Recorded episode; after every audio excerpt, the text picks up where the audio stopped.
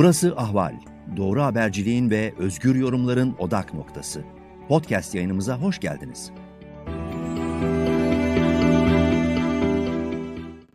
Efendim merhabalar. Bugün sizlere Türkiye'nin yaşadığı tek tek büyük sorunları sıralamayacağım. Bugün size Türkiye'nin en büyük sorununu sıralayacağım. Yani yönetemeyen Türkiye'yi, yönetilemeyen Türkiye'yi anlatmaya çalışacağım. Niçin Türkiye bu kadar kötü yönetiliyor? Bu kadar kötü yönetilmesine rağmen niçin Türkiye'deki iktidar partisinin ya da liderin arkasında hala artı eksi %30 civarında bir halk desteği var? Bunu çok detaylandırmayacağım ama bu kitle bu kadar kötü yönetilen, bu kadar büyük bir çöküşü hatta benim iddiama göre tarihi bir çöküşü kurumlarıyla, ekonomisiyle, hukukuyla, medyasıyla, yargısıyla tüm devlet organları hatta sivil toplumuyla bu tarihi çöküşü göremiyor, görmemekte ısrar ediyor ya da niçin sadece ekonomik krizle ya da felaketlerle bu gerçekle yüzleşebiliyor gibi sorulara yanıt aramaya ve bu başlıkları yorumlamaya çalışacağım.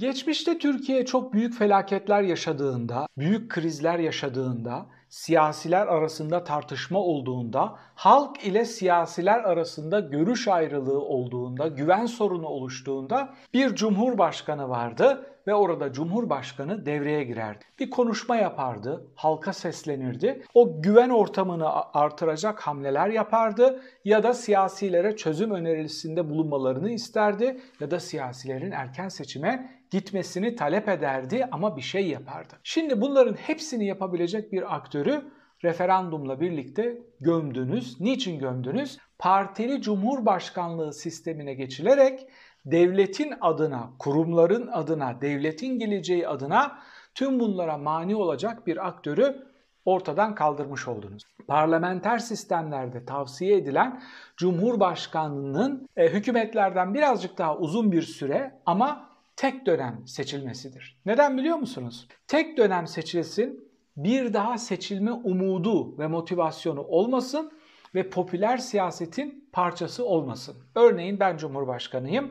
Bakıyorum ki başbakan tekrar seçilebilmek için emeklilik yaşını 45'e çekelim diyor. Yani ülkeyi iflas ettirelim, SGK'yı iflas ettirelim, emekli sandığını iflas ettirelim ama ben bir kere daha seçileyim. Burada millet adına devletin kurumlarını koruması gereken ve bir daha seçilme ihtimali olmadığı için popülizm yapamayacak olan bir cumhurbaşkanı çıkıp diyor ki bir dakika, bir dakika sevgili halk siz kendinizi iflasa sürüklersiniz. Bunu Anayasa Mahkemesi'ne götüreceğim, bu süreci durduracağım. Niye? Cumhurbaşkanı sadece milleti temsil etmez. Daha ziyade millet adına sistemi, devleti, kurumları korumaya çalışır. Zira görüyorsunuz işte medyayı ele geçiren millete bir hikaye anlatıp tüm kurumları bir parti organı haline çevirebiliyor. Bugün AKP'nin il başkanları valilerden daha yetkilidir. Bugün AKP'nin ilçe başkanları kaymakamlardan daha yetkilidir. Daha forsludur, daha güçlüdür. Onların yapamadığı birçok şeyi il başkanları, ilçe başkanları yapabilirler. Bugün AKP'li üst düzey yöneticiler e, genel müdürlerden, bağımsız kurumların başındaki aktörlerden çok daha güçlüdür. Onların bir talebiyle birlikte küçük ölçekteki işlerin tamamını halledebilirsiniz ya da halledebilirler. Bugün AKP'li aktörler yargı üstünde bile dediklerini net bir şekilde neticelendirebilecek kadar güçlü bir yerde durmaktadırlar. Ve tüm bu çöküşe dur diyebilecek bir cumhurbaşkanı yoktur.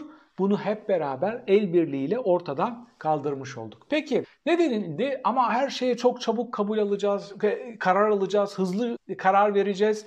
Hiç beklemeyeceğiz, bürokrasiyi ortadan kaldıracağız, yargı bize mani olamayacak, başkanlığa destek verin. Siz bugün ne görüyorsunuz? Bugün mevcut uçakları uçuramayan, ülke yanarken bile hareket edemeyen, sistemi mobilize edemeyen, hepsinden önemlisi yorgun, bitkin, iktidardan bezmiş, keşke şu işleri bırakıp çekilebilsem, lanet olsun, nereden bu işlere bulaştım ifadeleriyle, bakışlarıyla gündemi götürmeye çalışan bir Erdoğan fotoğrafı var. Prompter kapandığı zaman tamamen kurmaca, tamamen kendi ekibinin ayarladığı, ellerine soruların verildiği, gazetecilerle yaptığı kapalı devre ezber bir programda bile skandallara sebebiyet verecek açıklamalar yapabiliyor. Neden? Bir, kendisinin rekabet edebileceği, üstünde baskı hissedebileceği, denetim altında olabileceği bir şey yok. Bir kere orada bu otokontrol e, mekanizması tamamen iptal olmuş durumda. Şöyle düşünün, bir kamyon frenleri boşalmış bir şekilde değil, frenlerinin olmadığı bir şekilde bayırdan aşağı gidiyor ama şoför kendine o kadar güveniyor ki ben yolda benim, teker de benim, kamyon da benim onun için toslamam diyor. Halbuki öyle değil. Fizik kurallarını değiştirme şansın yok. Türkiye fizik kurallarına aykırı bir şekilde gerçeklere direnen bir şekilde yönetiliyor. Fizik kurallarının verdiği kararla iflasa gidiyor. Yani çöküş. Buna metal yorgunluğu deyin, buna kurumların iflası deyin, buna ekonomik iflas deyin, buna değerlerin ortadan kaldırılması deyin. Ama görebildiğimiz şey şu, tüm siyaset biliminin, ekonomi biliminin, sosyolojinin ortaya koyduğu verilere karşı savaş açan, direnen, bu özgüvenle birlikte yoluna devam etmeye çalışan iktidar ülkeyi tarihi bir iflasa sürükledi. Onun için tüm bu çöküşten sonra, yangınlardan sonra yönetememenin üstünü neyle örtmeye çalışıyorlar? Nedir bunun parası? Veririz kardeşim diyor.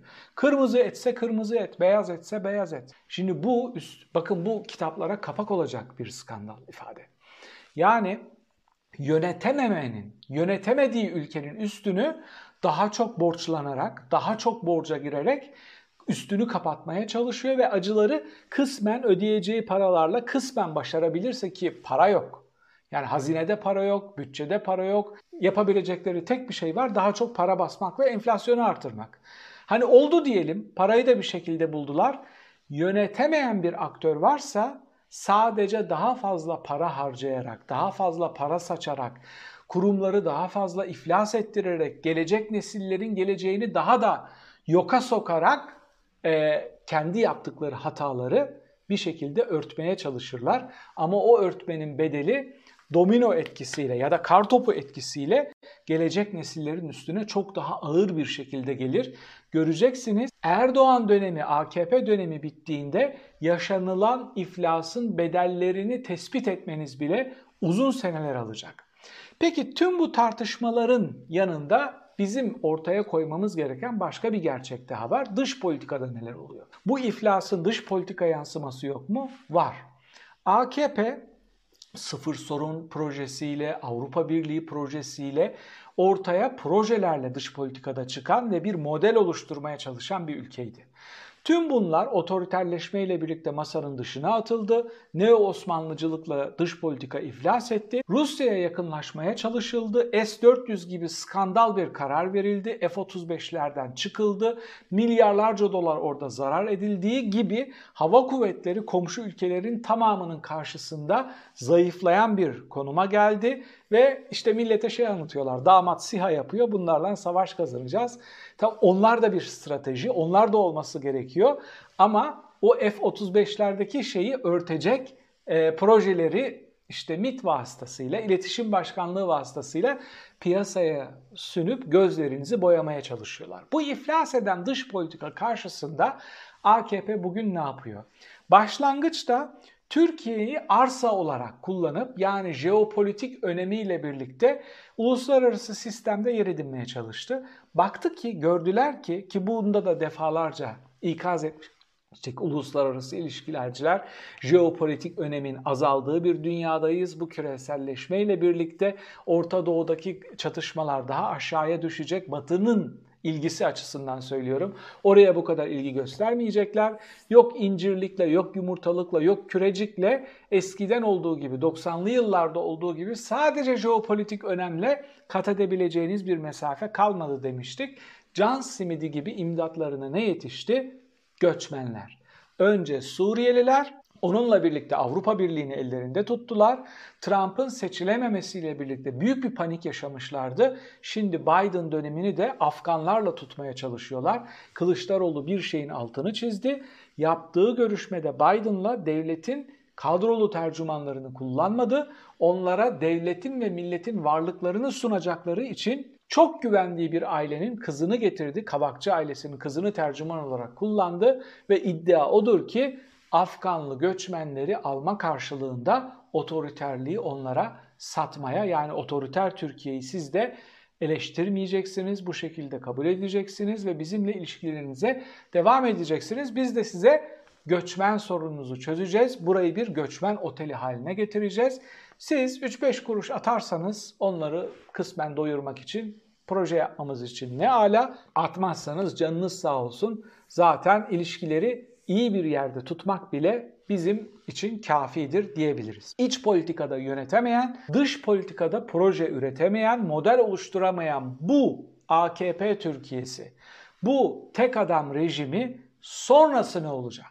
Bir kere şu artık kesin. Yani seçimler vuku bulduğu takdirde bu adamların tekrar bir seçim kazanma ihtimali kalmadı. Bence saray da artık bunu gördü.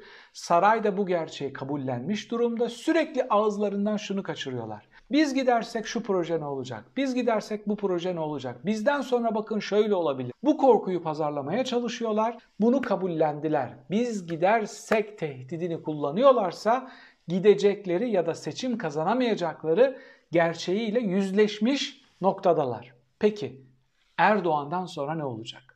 Buna projeksiyon yapmamız gerekiyor. Türkiye buna projeksiyon yapması gerekiyor. Eğer bir kere Erdoğan'dan sonra bir Erdoğanizm olmayacak. Bir Kemalizm gibi bir sistem kurulmayacak, bir sistem inşa edilmeyecek.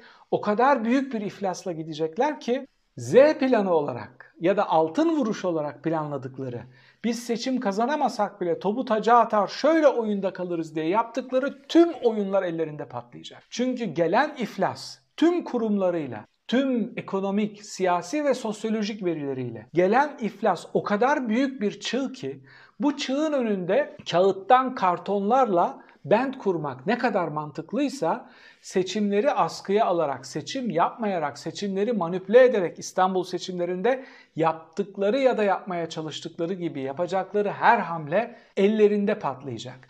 Erdoğanizm sonrası nasıl bir Türkiye kurulacak sorusu en az Erdoğan nasıl veda edecek sorusu kadar önemlidir ve Erdoğan sonrası nasıl bir Türkiye kurulacak sorusunun cevabı Erdoğan ve AK Parti Türkiye'ye nasıl veda edecek? Hangi yöntemlerle veda edecek sorusunun altında yatmaktadır. Bu soruya cevap verdiğimiz gün nasıl bir Türkiye kurabileceğimizin ya da kurabileceğinizin sorusuna da yanıt vermiş olacağız. Muhalefetin daha ziyade buna kafa harcaması, Erdoğan ve AKP sonrası size şöyle bir vizyon sunuyoruz, size şöyle bir yol haritası sunuyoruz, şu projeleri yaptık ve kademeli olarak şuradan şuraya gideceğiz Toplumu şöyle uzlaştıracağız, sistemi böyle dönüştüreceğiz, Türkiye'nin önünü şu şekilde açacağız. Zın altını çizmeleri gerekiyor. Erdoğan'ı eleştirmenin, AKP'yi eleştirmenin, sürekli ekonomik krizi aldat, anlatmanın, sürekli göçmenler üstünden siyaset yapmanın bir anlamı yok. İnsanlar çözüm ve proje duymak istiyorlar. Daha çok bunlara yönelmek istiyorlar. Bu videoda sizlere Türkiye niçin yönetilemiyor? Yönetilemeyen Türkiye'nin nereleri çatırdadığı en büyük riskler nerede ve Erdoğan sonrası bir Erdoğanizm olacak mı? Erdoğanizm olmayacaksa onların vedaları akabinde nasıl bir Türkiye inşa edilecek sorularını yanıtlamaya ve yorumlamaya çalıştım. Peki siz nasıl bir Türkiye görüyorsunuz? Yorum köşesinde bunu tartışalım. Gerçekten diyelim ki pesimistleri şu tarafa bırakalım. Gerçekten seçimler vuku buldu. Erdoğan ve AKP yenildi ve Millet İttifakı'nın ortak adayı bir cumhurbaşkanı seçti. Ondan sonra nasıl bir Türkiye olacak? Beklentileriniz neler? Ya da bu grup, bu iktidar bloğu neler yapmalı? Bunu tartışalım. Bir sonraki videoda tekrar birlikte olmak üzere efendim. Hoşçakalın.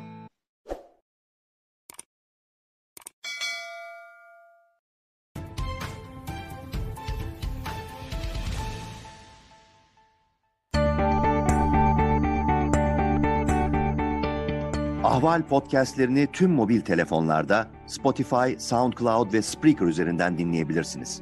Apple iPhone kullanıcıları bize iTunes üzerinden de ulaşabilir. Türkiye'nin ve hayatın cıvıl cıvıl sesleri Ahval Podcast dizisinde. Kulağınız bizde olsun.